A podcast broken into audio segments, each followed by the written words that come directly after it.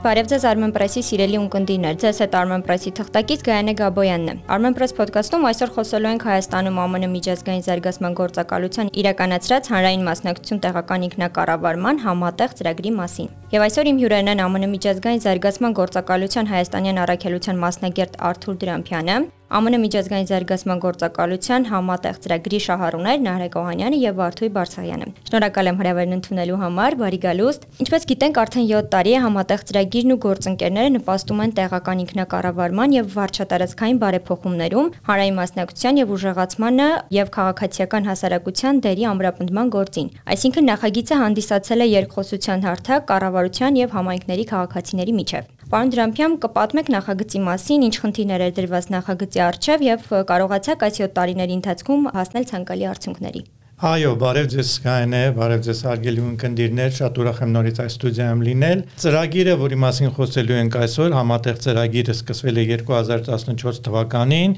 սկզբանե նախատեսված էր որպես հանգամյա ծրագիր, բայց միգուցե անդրադառնալով միանգամից ձեր հարցին, թե արդյոք հասավ իր նպատակներին թե չէ, ծրագիրը երկարաձգվեց եւս 2.5 տարի եւ մինչեւ 22 թվականի մարտի 31-ը տևեց, եւ բոլոր այն խնդիրները, որոնք ի սկզբանե դրված էին, դեռ մի բան էլ ավել, որովհետև 18 թվականին գործակալությունը լրացիչ խնդիրներ դրեց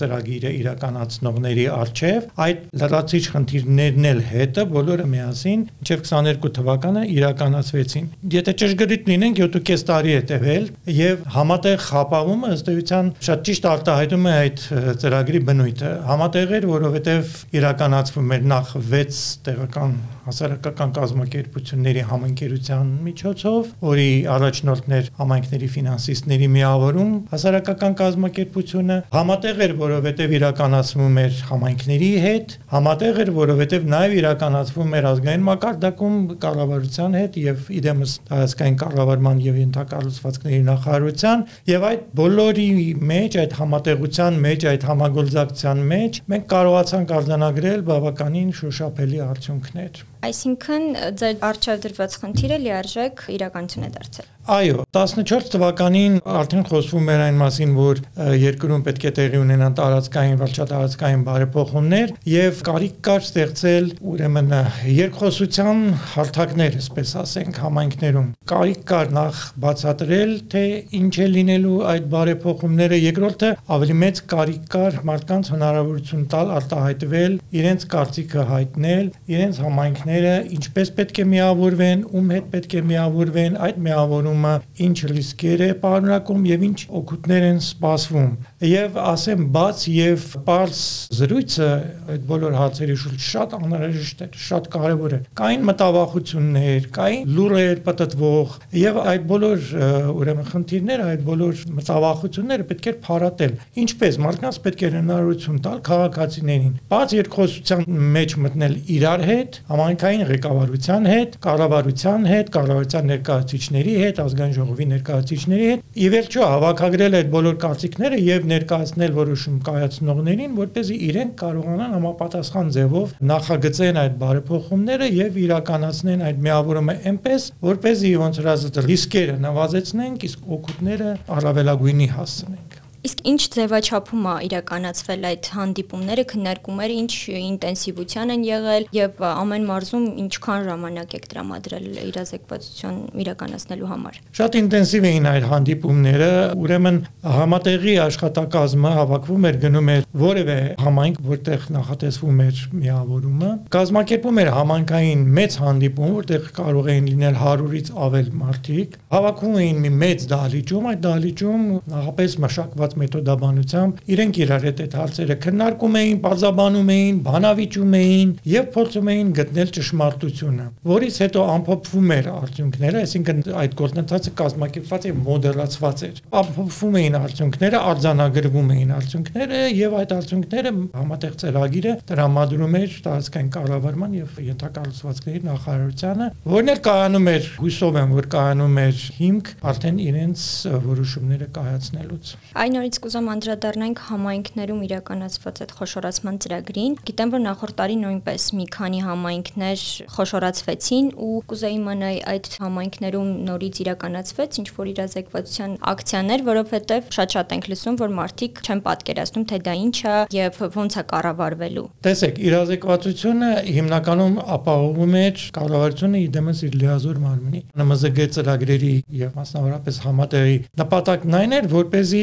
ստեղծվի հարթակ, որտեղ մարդիկ կարողանան մտնել երկխոսության մեջ եւ արտահայտել իրենց դրամատրությունները, իրենց մտավախությունները, իրենց միգուցե դրական նաեւ միտումները համենքների միավորման վերաբերյալ եւ կարծում եմ որ այդ հարթակը համատեղ ծրագիրը կարողացավ ստեղծել մարդիկ կարողանում էին արտահայտվել մարդիկ կարողանում էին իրենց հարցերի պատասխանները գտնել եւ ի վերջո կարողանում էին հասկանալ թե ինչ է իրենց սպասում բայց ես ուզում եմ ասել որ համատեղ ծրագիրը 7.5 տարիների ընթացքում շատ այլ նաեւ գործեր է արել եւ միգուցե կարող ենք դրա մասին նույնպես խոսել Տեսեք, շատ կարևոր նշանակություն ուներ երիտասարդության ներգրավում համայնքային հարցերում, համայնքային գործերում։ Եւ այսօր ինձ հետ նաեւ երկու հայլուն երիտասարդներ են, որոնք անցել են համատեղ ծրագրի բովերով։ Մեծապես խթանվել է կամավորականությունը։ 14 թվականին Հայաստանում ԱՄՆ-ՄԶԳ նախորդ ծրագրերով արդեն գոյություն ուներ 4 ինֆոտուն։ Ինֆոտունը դա ռեսուրս կենտրոն է, որը նրա համար է, որպեսզի երիտասարդները տեղ ունենան, գան իրար հետ հավաքվեն, քննարկեն ինչ որ հարցեր, նաեւ մեդիա գիտություն սովորեն, նաև սովորեն 11 թվականին, երբ ինֆոտաները ստեղծվում էին, խնդիր կար օրինակ մեդիա գրագիտության եւ սոցիալական ցանցերից օգտվելու։ 11 տարի անց Հիմա երիտասարդները աչքերը փակ են սոցիալական ցանցերից օգտվում։ Ժամանակ պահանջ կար։ Հետագայում ինֆոտաները աճեցին, զարգացան, դարձան ռեսուրս կենտրոններ եւ այն հարթակը, որտեղ երիտասարդները հավաքվում էին, քննարկում էին համայնքային կարևորության հարցեր, առաջարկություններ էին անում, ֆիլմեր էին դիտում եւ քննարկում քննարկում, նաև օրինակ բլոգերներ էին դառնում, սովորում էին քաղաքացիական լրագրություն, բլոգեր էին գրում իրենց սոցիալական ցանցերում եւ սովորում էին կամավորականության հիմքերը։ 7 տարվա ընթացքում եւս 6 ինֆոտուն բացվեց եւ ծրագրի ավարտին հարցնում էին արդյունքների մասին։ Մենք ունենք հիմա 1 ինֆոտուն յուրաքանչյուր մարզի համար։ Ինֆոտունը կարողանում է հասնի իր մարզում յուրաքանչյուր համայնքի եւ այդ համայնքներում երիտասարդներին, քաղաքացիներին համայնքային քաղաքացիական հասարակությանը ներգրավումը համայնքային կարևոր համայնքին անհանգստացնող գործերի լուծմանը։ Մի հարց ծրագիրը ավարտվում է, բայց ինֆոտները շարունակելու են, ելի մարզերում իրենց գործունեությունը։ Այո, ծրագիրը ավարտվել է։ Ինֆոտները շարունակում են գործել, ինֆոտները շարունակում են աշխատել։ Նրանց սկզբունքը այսպեսին է՝ յուրաքանչյուր ինֆոտուն ունի մի տեղական կազմակերպություն, որը իրենց ոնց որ հյուրընկալել է։ Ինֆոտուն ասածը ինքը բրենդ է, այսինքն ցանկացած մարզի ինֆոտուն դուք գնաք, դուք կտեսնեք նույն դիզայնը, նույն կահույքը, նույն պատերը, նույն նույն գույներով զարդարված պատերը, նույն մեթոդաբանությունը աշխատանքի, նույն երանդը տասարների եւ բացի դրանից ինֆոտները նաեւ ցանց են, որովհետեւ իրենք անընդհատ իրար հետ շփվում են։ Պարոն Դրամփյան, գիտեմ, որ ծրագրի մի կարևոր մաս է կազմում տեղական ժողովրդավարության դպրոցը, խոսենք նաև դրա մասին։ Տեղական ժողովրդավարության դպրոցը նույնպես ցանց է։ Ուղղակի մի տարբերություն կա։ Ինֆոտները նրանք ուրեմն ֆիզիկական կառույց են, գրասենյակներ են, որտեղ մարդիկ հավաքվում են։ Տեղական ժողովրդավարության դպրոցը ինքը գրասենյակ չի, ինքը շարժական մոբիլ դպրոց է, որը ինքը գալիս է հասնում է իր ունկնդիրներին։ Ուրեմն 18 թվականին ցակեց գաղափարը տեղական ժողովրդավարության դպրոց ստեղծելու, համատեղ ծրագիրը հավաքեց դասախոսական կազմ, լավ դասախոսներ, հավաքեց ունկնդիրներ, ունկնդիրները միջելից ասեմ մրցույթային էին դրվում, որտեղ այնքան շատ ցանկացողներ կային, որ պետք էր որոշակի ընտրություն կատարել եւ մրցույթ էր, եւ մրցույթում լավագույնները նոր անցնում էին։ Հետո զարմանալի էր, բայց երբ որ կ ូវ իդը սկսեց, մինչև նույնիսկ կ ូវ իդ սկսելը գաղափար ցակեց, որ նաեւ դասընթացների մի մասը պետք է արցանց անել, եւ երբ որ կ ូវ իդը սկսեց եւ արցանց հարթակ արդեն ունեինք, դա փրկեց ուղակի դպրոցին, որովհետեւ շատ բարդ էր մարդկանց մեծ քանակությամբ, չգիտեմ, 20, 30, 40 հոգի հավաքել մի սենյակում դասընթացներ անել, փրկեց այդ արցանց ուսուցումը, տեղական ժողովրդավարության դպրոցի հարտակում դրվել էին բոլոր ուսումնական նյութերը, երիտասարդները պարզապես գրանցվում էին, կուրսերը լսում էին վիդեոներով եւ աուդիո դասընթացները եւ պրեզենտացիաները նայում էին, հետո հանձնում էին քննությունները եւ այդպես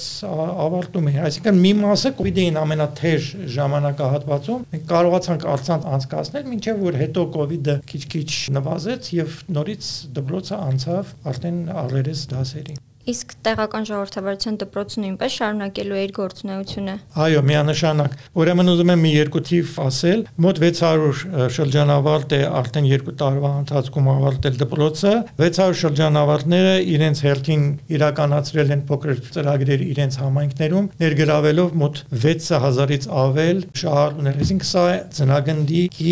էֆեկտը ունի։ Նրանք գնում են մարզեր իրենց համայնքներ եւ այնտեղ լրացուցիչ իրենց ընկերներից, իրենց շրջապատից պատից ներգրավում են երիտասարդներ եւ այդ երիտասարդների բանակը հիմա այնքան է մեծացել, որ ինքը մեծ մի մեծ ցանց է, որը մի մասը շփվում է սոցիալական ցանցերով, մի մասը շփվում է հենց այդ հատուկ ԺԴ-ի հարթակի միջոցով եւ շարունակում է իր աշխատանքները եւ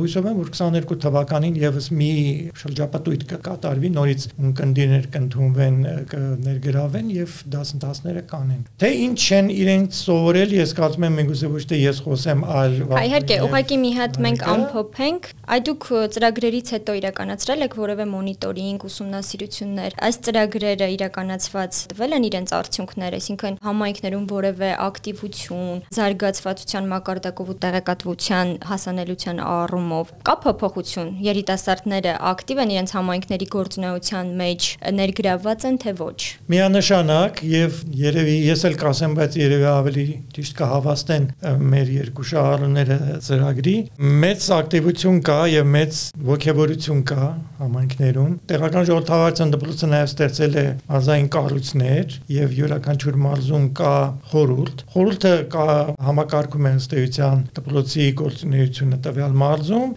եւ կարողանում է ներգրավել նոր եւ նոր երիտասարդներ, որոնք ողջավորված են պատրաստ են ներգրավել իրենց համայնքների փոքր եւ մեծ խնդիրների լուծմանը։ Շատ լավ։ Անդրադառնանք մեր ծրագրի մասնակիցներին, Նարեկին եւ Վարդուհուն։ Կներկայացնեք ինչ եք ստացել ծրագրի մասնակցությունից, ինչ է ձեզ տվել։ Շնորհակալություն։ Ծրագիրը մեզ տվել է ոչ միայն կոնկրետ հստակ տեսական եւ գործնական գիտելիքներ տեղական ինքնակառավարման ոլորտում, այլև մեզ տվել է շատ կապեր, ընկերներ։ Պարոն Դրամփյանը արդեն ներկայացրեց ՏԺԴ լայն աշխարհագրությունը եւ Հայաստանի ամեն մի մարզում, ամեն մի անկյունում ՏԺԴ-ն մեզ տվել է ընկերներ, գործընկերներ ընկերներ, կապեր, որի միջոցով շատ սերտորեն համագործակցելով կարողանում ենք, այսպես ասած, եղանակ փոխել Հայաստանում։ Բացի դրանից արդեն նշվեց, որ մեզ հնարավորություն էր տվել դրամաշնորային ծրագրեր իրականացնել։ Դա զարգացրեց ոչ միայն մեր տեսական գիտելիքները, այլ նաև գործնական գիտելիքներ տվեց ծրագրերի կառավարման, բյուջեի գրման, կառավարման, տնօրինման, ինչպես նաև քննադատողական մտածողության եւ խնդիրների բարձրաձայնման ու լուծման հմտությունները զարգացրեց մեր Պիտի խնդրեմ մեր երիտասարդ հյուրերին մասնակիցների ներկայացնել օրինակներ իրենց համայնքներում իրականացված գործունեությունից։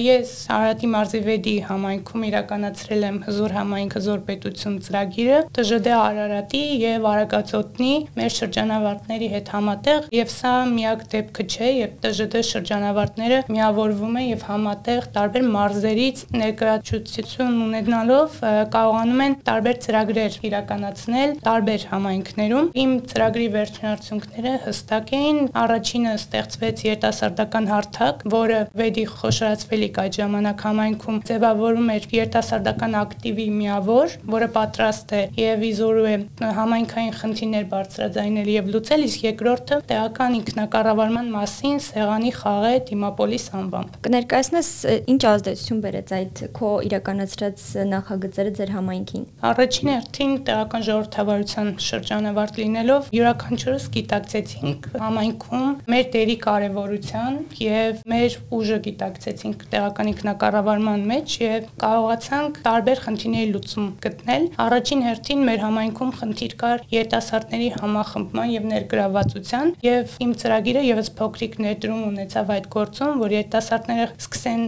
հետաքրքրել թիմով, մասնակցեն տեղական ինքնակառավարմանը, լինեն ակտիվ եւ ոչ միայն բավարարվեն խնդիրներից բողոքելով, այլ նաեւ դրանք բարձրաձայնեն եւ լուծումներ տան։ Այ քո օրինակով եղան երիտասարդներ, ովքեր միացան քեզ ու ցանկություն հայտնեցին նման գործունեություն ծավալելու, մարզում էլ ինչ որ նոր ծրագրեր իրականացնելու։ Միանշանակ մեր արդեն խոշորացված համայնքի մի քանի բնակավայրերից շուրջ 30 երիտասարդներ համախմբված են մի երիտասարդական ցանցի շուրջ, որը շուտով կսկսին նաև նոր ծրագրերով հանդես գալ եւ իր գործունեությունը ծավալել վեդի խոշորացված համայնքում։ Լավ, շնորհակալ եմ Վարդու Թույ ջան, խնդրեմ դու ներկայացնես քո համայնքի պատմությունը եւ ազդեցությունը քո գործունեության ու ընդհանրապես ծրագրի ներգործությունը քո համայնքի վրա։ Վաղուց հետաքրքրված լինելով համայնքային զարգացմամբ, համայնքային ծրագրերով, զբաղվելով նաեւ կամավորությամբ 3 տարի առաջ որոշեցի մասնակցել տեղական ժողովրդավարության դպրոցին, չիմանալով, որ այդ դպրոցը այսքան մեծ ազդեցություն կունենա ինձ եւ մյուս այլ երիտասարդների վրա։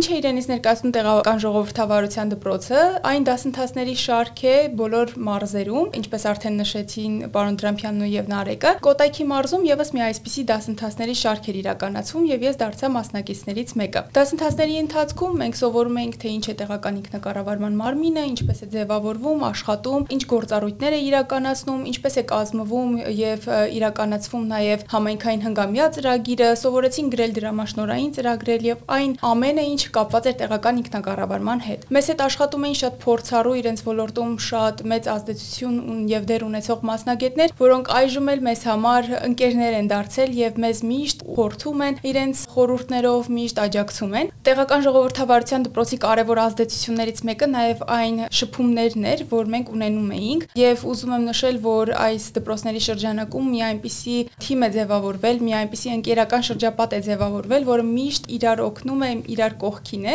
Իմ կյանքում տեղական ժողովրդավարության դպրոցը մի այլ տեսանկյունից եւս ազդեցություն ունեցավ, ինչպես նշեցի, համայնքային կյանքով շատ-շատ եմ հետաքրքրված եղել եւ տեղական ժողովրդավարության դպրոցի շրջանակներում էլ ել ավելի շատ ավելացնելով գիտելիքներս, հմտություններս որոշեցի մասնակցել 2021 թվականի ընտրություններին, երբ մեր համայնքը Եղվարդ համայնքը կրկին խոշորանում էր եւ դարձավ Նաիրի եւ դարձա ավականու անդամներից մեկը։ Այժմ արդեն գործունեությունը ծավալում եմ նաեւ այս ոլորտում, երիտասարդների անունից հանդես գալով եւ մի շարք խնդիրներին փորձելով լուծումներ տալ։ Ինչպես նշեց Նարեկը, տեղական ժողովրդավարության դպրոցի շրջանակներում մենք նաեւ հնարավորություն էինք ունենում մեր գաղափարները իրականացնել փոքր դրամաշնորային ծրագրերին մասնակցելով։ Ես Նաիրի համայնքում, նախկին Եղվարդ համայնքում իրականացրել եմ երկու փոքր դրամաշնորային ծրագիր՝ Սովորիր այսօր գործիր վաղը եւ համայնքն ու տիմը մեկ ուշ ծրագրերը։ Այս ծրագրերի ընթացքում երկու ծրագրերին ընդհանուր ներգրաված էին 60 երիտասարդներ։ Երիտասարդների հետ իրականացնում էինք թե դասընթացներ, այսինքն տեսական գիտելիքներ ստանում էին կրկին տեղական ինքնակառավարման մարմինների մասին, համայնքում իրենց դերի մասին էին իմանում եւ նաեւ մի շարք գործնական միջոցառումներ են իրականացնել, դրանցից մի քանիսը կարող եմ նշել, օրինակ համայնքում արկա խնդիրների վերհանումը, մրցույթ էինք կազմակերպել, որին երիտասարդները ներկայացնում էին այն խնդիրները, որ տեսնում են համայնքում, սկսած մշտական ջուր չունենալուց մինչև աղբահանություն եւ թափառող շների խնդիրները։ Եվ այդ երկու ծրագրերի ավարտին էլ ունեցանք հանդիպումներ վարչական ղեկավարների հետ, համայնքապետի հետ եւ երիտասարդները իրենց խնդիրները փորձեցին նաեւ այդ մակարդակում քննարկել եւ սպասվող լուծումները ստանալ, ինչպես նաեւ իրենք լուծումներ առաջարկել։ Տեղական ժողովրդավարության դպրոցի շրջանակում իրականացված այս երկու փոքր դրամաշնորային ծրագրերից հետո ես եւ մի քանի երիտասարդներ միասին հիմնեցինք նաեւ Քալիր հանուն քաղաքացիական զարգացման հասարակական կազմակերպությունը, որը թեև նորաբաց է, նոր ենք սկսել մեր գործունեությունը, սակայն շատ ակտիվ կերպով փորձում ենք համայնքում մի շարք խնդիրներ վերհանել եւ կրկին լուծումներ տալ։ Մեր հասարակական կազմակերպությունից երկու անդամներ ընտրվել են նաեւ որպես համայնքապետին կից խորհրդակցական մարմինների անդամներ։ Վերջերս տեղի ունեցած հանրային քննարկումներից մեկի ժամանակ մեր երիտասարդները առաջարկել էին համայնքում smart գրադարան ունենալու ծրագիրը եւ այն ընդգրկվեց նաև ավականու նիստում եւ հավանության արժանացավ։ Այսինքն այս օրինակները ցույց են տալիս, որ այն երիտասարդները, որոնք հետաքրքրված են եւ հատկապես նրանց շրջանակում երևում են տեղական ժողովրդավարության դպրոցի այդ փոքր դրամաշնորային ծրագրերի մասնակիցները, կարողանում են արդեն ակտիվ կերպով մասնակցել նաև տեղական ինքնակառավարման ծրագրերին, տեղական ինքնակառավարման մարմինների հետ աշխատել։ Տեղական ժողովրդավարության դպրոցի շրջանակներում, ինչպես պարոն Դրամփյանը նշեց, նաև ձևավորվեցին մարզային խորհուրդները։ Մարզային խորհուրդների անդամները ընտրվեցին տեղական ժողովրդավարության դպրոցի շրջանավարտների քվեարկությամբ։ Ես եւս մարզային խորհրդի Կոտայքի մարզի մարզային խորհրդի անդամ եմ։ Մեր թիմը բաղկացած է 5 երիտասարդից, ովքեր մարզի տարբեր համայնքներից են եւ շատ հաճախ մենք քննարկումներ ենք ունենում, խնդիրներով ենք կիսվում, թե որ համայնքում ինչ խնդիր կա, ինչ լուծումներ կարող ենք դրանց համար առաջարկել կամ ինչպես կարող են տեղական ժողովրդավարության դպրոցի այդ փոքր դրամաշնորային ծրագրերի երիտասարդները համախմբվել եւ փորձել լուծումներ տալ դրանց։ Այսինքն տեղական ժողովրդավարության դպրոցի շրջանակներում ձևավորվեց մի այնպիսի թիմ, որը մշտապես իրար աջակցում է, որի աշխատանքները միտված են միմիայն համայնքային զարգացմանը նպաստելու, համայնքային կյանքին երիտասարդների ներգրավվածությանը խթանելու համար։ Իսկ երիտասարդների կողմից կա այդ ակտիվությունը մասնակցելու, ներգրավվելու նմանատիպ ծրագրերի ու այն, որոնք որ դու նշեցիր։ Կա ակտիվություն, նկատվում է։ Իրականում երիտասարդների համար այժմ բազմաթիվ հնարավորություններ կան, սակայն ցավով պիտի նշեմ, որ երիտասարդների մասնակցությունը այնքան էլ մեծ չէ։ Ես հիշում եմ, երբ մենք իրականացնում էինք մեր առաջին ծրագիրը սովորիր այսօր գործիր վաղը, շատ դժվարությամբ էինք կարողացել մեր ցանկալի քանակի երիտասարդների ներգրավել, բայց արդեն երկրորդ ծրագրի ընթացքում բնակիչն ու թիմը մեկ ուժ մենք արդեն ունեինք մեր ցանկացած թվից էլ ավելի շատ հայտեր եւ արդեն ինքներս պետք է ընտրություն կատարեինք, թե որ երիտասարդներն էին մասնակցելու։ Այսինքն ես կարծում եմ, որ համայն համայնքում երիտասարդների մասնակցայնությանը խթանելու կարևոր գործոնը հետաքրքիր ծրագրերի իրականացումն է։ Եվ այս առումով տեղական ժողովրդավարության դպրոցը մեծ ազդեցություն ունի, քանի որ եւ մեր օրինակից են, հա, սովորում, ողջևորվում եւ տեսնում են թե ինչպիսի լավ առաջընթաց ենք մենք բերում։ Այսինքն օրինակը շատ կարևոր է եւ երիտասարդները դրան հետևելով եւս մեզ հետ աշխատում են, միանում են մեր թիմին ու պիտի արդեն նշեմ, որ վերջին 1 տարում ես ինքս նկատում եմ ակտիվություն եւ որ ամենակարևորն է ոչ միայն այդ ակտիվությունը դրսեւորվում է անձնական հա ծրագրերն իրականացնելու մեջ, այլև համայնքի եւ տեղական ինքնակառավարման մարմինների հետ աշխատելու ընթացքում։ Շնորհակալ եմ Վարդուի։ Պարոն Տրամփյան, կա որևէ բան ծրագրի վերաբերյալ, որին չանդրադարձանք ու կուզեք անպայման խոսենք դրա մասին։ Ես կուզեի ասել, որ 7.5 տարվա ընթացքում ձերբերումները այնքան շատ են, որ դժվար է իհարկե անդրադառնալ բոլորին, բայց մի երկու բան ուզում եմ ավելացնել։ Նախ կարծում եմ, որ համատեղ ծրագիրը թողեց բավականին լուրջ ժառանգություն եւ այն փոփոխությունները, որոնք տեղ ունեցան համայնքներում, նրանք կարելի ասել, որ նաեւ մշակույթ փոխեցին։ Այն ինչ որ մի քիչ առաջ Վարդուին էր ասում։ Այսինքն բնակիչները համայնքներում ապրող հասկացան եւ հավատացին, որ հնարավոր է ներգրավել համայնքային խնդիրների լուծմանը եւ որոշակի բան փոխել իրենց համայնքում։ Նրանք հասկացան եւ հավատացին, որ կարելի է պահանջել եւ կարելի է հասնել խնդիրների լուծմանը։ Եվ հատկապես դա վերաբերում է երիտասարդությանը։ Երկրորդը, որը շատ կարևոր է, մեծապես մեծացավ կանանց դերը։ Տեսեք, ՏԺԴ-ի շրջանավարտների 50%-ից ավել աղջիկներ էին, երիտասարդ աղջիկներ էին, որոնք վստահ էին, որ իրենք կարող են ինչ-որ բան փոխել իրենց համայնքում որոնք վստահ էին, որ դա դեռ ասենք օրինակ 19-20 թվականներ, իրենք ասում էին, որ մենք հստակ երբ որ լինի ընտրություններ մեր համայնքում, մենք առաջադրվելու ենք եւ դառնալու ենք ավականու անդամ։ Կամ մենք պահանջելու ենք այս ինչ խնդիրը լուծել մեր համայնքային իշխանություններից։ Այդ երկրորդը։ Երրորդը ես ուզում եմ նաեւ նշել, որ ազգային մակարդակում համատեղ ծրագիրը մի շատ կարևոր ձեռքբերում ունեցավ։ Դա տարեկան զեկույցներն էր, որը համայնքների ֆինանսիստների միավորումը ամեն տարի թողարկում էր եւ դա տարեկան զեկույցը վերաբերում է տեղական ինքնակառավարման ձեռքբերումներին Հայաստանում։ Եվ այդ տարեկան զեկույցները բավականին մեծ ճանաչում ունեն քանի որ իրենք երկլեզու են, նա կարդում են եւ Հայաստանում վիրուսանողները, ասպիրանտները, մասնագետները, փորձագետները տեղական ինքնակառավարման եւ Հայաստանի սահմաններից դուրս, այսինքն այն մասնագետները, որոնք հետաքրքրված են տեղական ինքնակառավարման զարգացումով Հայաստանում, նրանք հնարավորություն ունեն առաջի ձեռքից տեսնել, թե ինչ է փոխվել տարեկան զեկույցների միջոցով։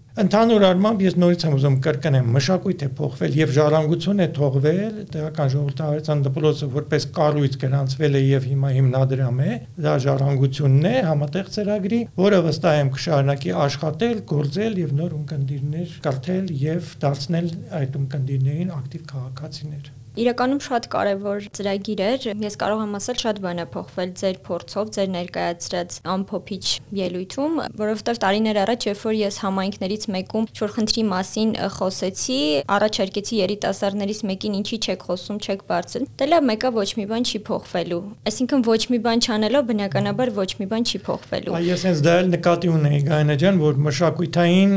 փոփոխություն ա տեղ ունեցել այդ թերահավատությունից, այդ ապաթիայից մեր համայնքներում երիտասարդները անցել են ակտիվ գործողության եւ նրանք վստահություն ունեն իրենց ուժերին եւ իրենք տեսնում են, որ իրենք կարող են ինչ որ բան փոխել իրենց համայնքում։ Ավելին ասեմ, առաջ թե հավատություն կար նաեւ երիտասարդների նկատմամբ, մեծահասակները ասում էին, որ երիտասարդները այդքան գիտելիք եւ փորձ չունեն եւ չեն կարող կառավարել։ Հիմա լրիվ հակառակն է, հիմա նրանք վստահում են եւ տեսնում են, որ երիտասարդները մեծ պոտենցիալ ունեն եւ մեծ հնարավորություններ ունեն։ Շատ լավ։ Նարեկ ջան, ավելացնելու ինչ որ բան ունեիր։ Այո, ես կուզենայի պարոն Դրամփյանին լրացնել մի օրինակով։ Օրեր առաջ մեր համայնքի ավականին որոշեց, որ ավականիստ պետք է անի, իսկ մուտքը պետք է լինի հրավիրատոմսերով։ Ես, որպես մեր համայնքի բնակիչ, չնայած լինելով երիտասարդ, բայց լինելով տեղական ժողովրդավարության դպրոցի շրջանավարտ եւ քանի որ ՏԺԴ-ն մեզ տվել է բավարար չափով գիտելիք, գիտակցություն, ուժ, վստահություն եւ սատարում,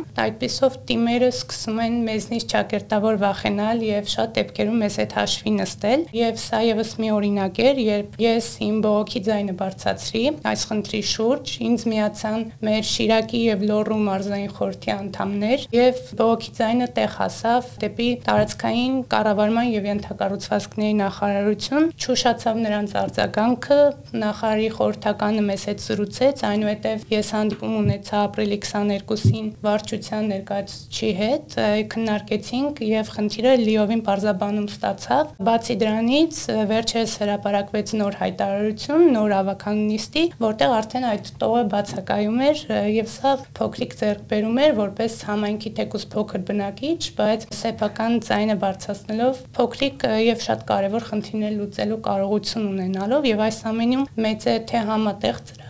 դերը եւ թե տեղական ժողովրդավարության դպրոցի շրջանավարտ լինելու հարցը։ Բարձաբանեմ, որ ավականունիստերը դրմբաց են օրենքով չի գալիս համանապակել տեղական ժողովրդավարության դպրոցի շրջանակներում մեր իրականացրած փոքր դրամաշնորային ծրագրերից մեկի վերջնարդյունքում մենք որոշեցինք մոնիտորինգի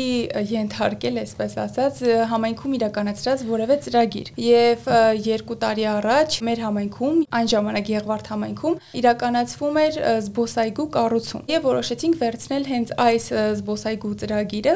կառուցման ծրագիրը եւ այն մոնիտորինգ անել։ Եվ հիշում եմ, թե ինչքան ողջավորված են երեխաները, երիտասարդները, որոնք նախ չգիտեին թե ինչպես էր ծրագիրը իրականացվում, դա սուբսիդավորված ծրագիր էր եւ Եղվարդ համայնքը ունենալու էր հրաշալի մի զբոսայգի։ Այժմ զբոսայգին արդեն կառուցված է եւ մենք անգամ հանդիպումներ ենք ունենում այնտեղ եւ այդ արված մոնիտորինգի արդյունքները եւս ներկայացվել էին համայնքապետին եւ վարչական ղեկավարներին։ Հիշում եմ նաեւ մի հետաքրքիր դեպք, երբ վարչական ղեկավարների հետ խոսելիս երիտասարդները ընդգծեցին, որ համայնքում պետք է պարտադիր զբոսաշրջությանը եւս զարգ տալ եւ վարչական ղեկավարներից մեկի հետ խնդիր ունեցան քննարկման ընթացքում, երբ վարչական ղեկավարը խոսելով մի մշակութային վայրի մասին, պատմամշակութային վայրի մասին, ասաց, որ ճանապարհը անանցանելի է, եւ երբ երիտասարդները հարցրին, թե ինչու է անանցանելի, ինչու չի կառուցվում, վերակառուցվում ճանապարհը, ասաց, որ այնտեղ կարելի է գնալ ոչ թե օրինակ սեդան մեքենայով, այլ ջիփ մեքենայով եւ այդ հարցը հեշտ լուծելի է։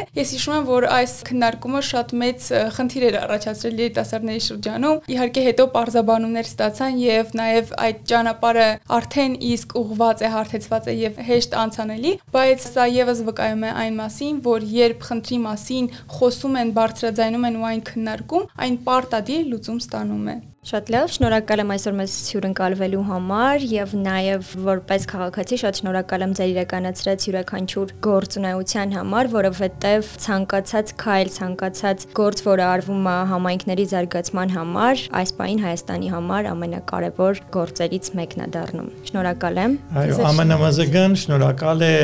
ծրագիրի իրականացնողներից եւ հպարտանում է ձեր բերված արդյունքներով։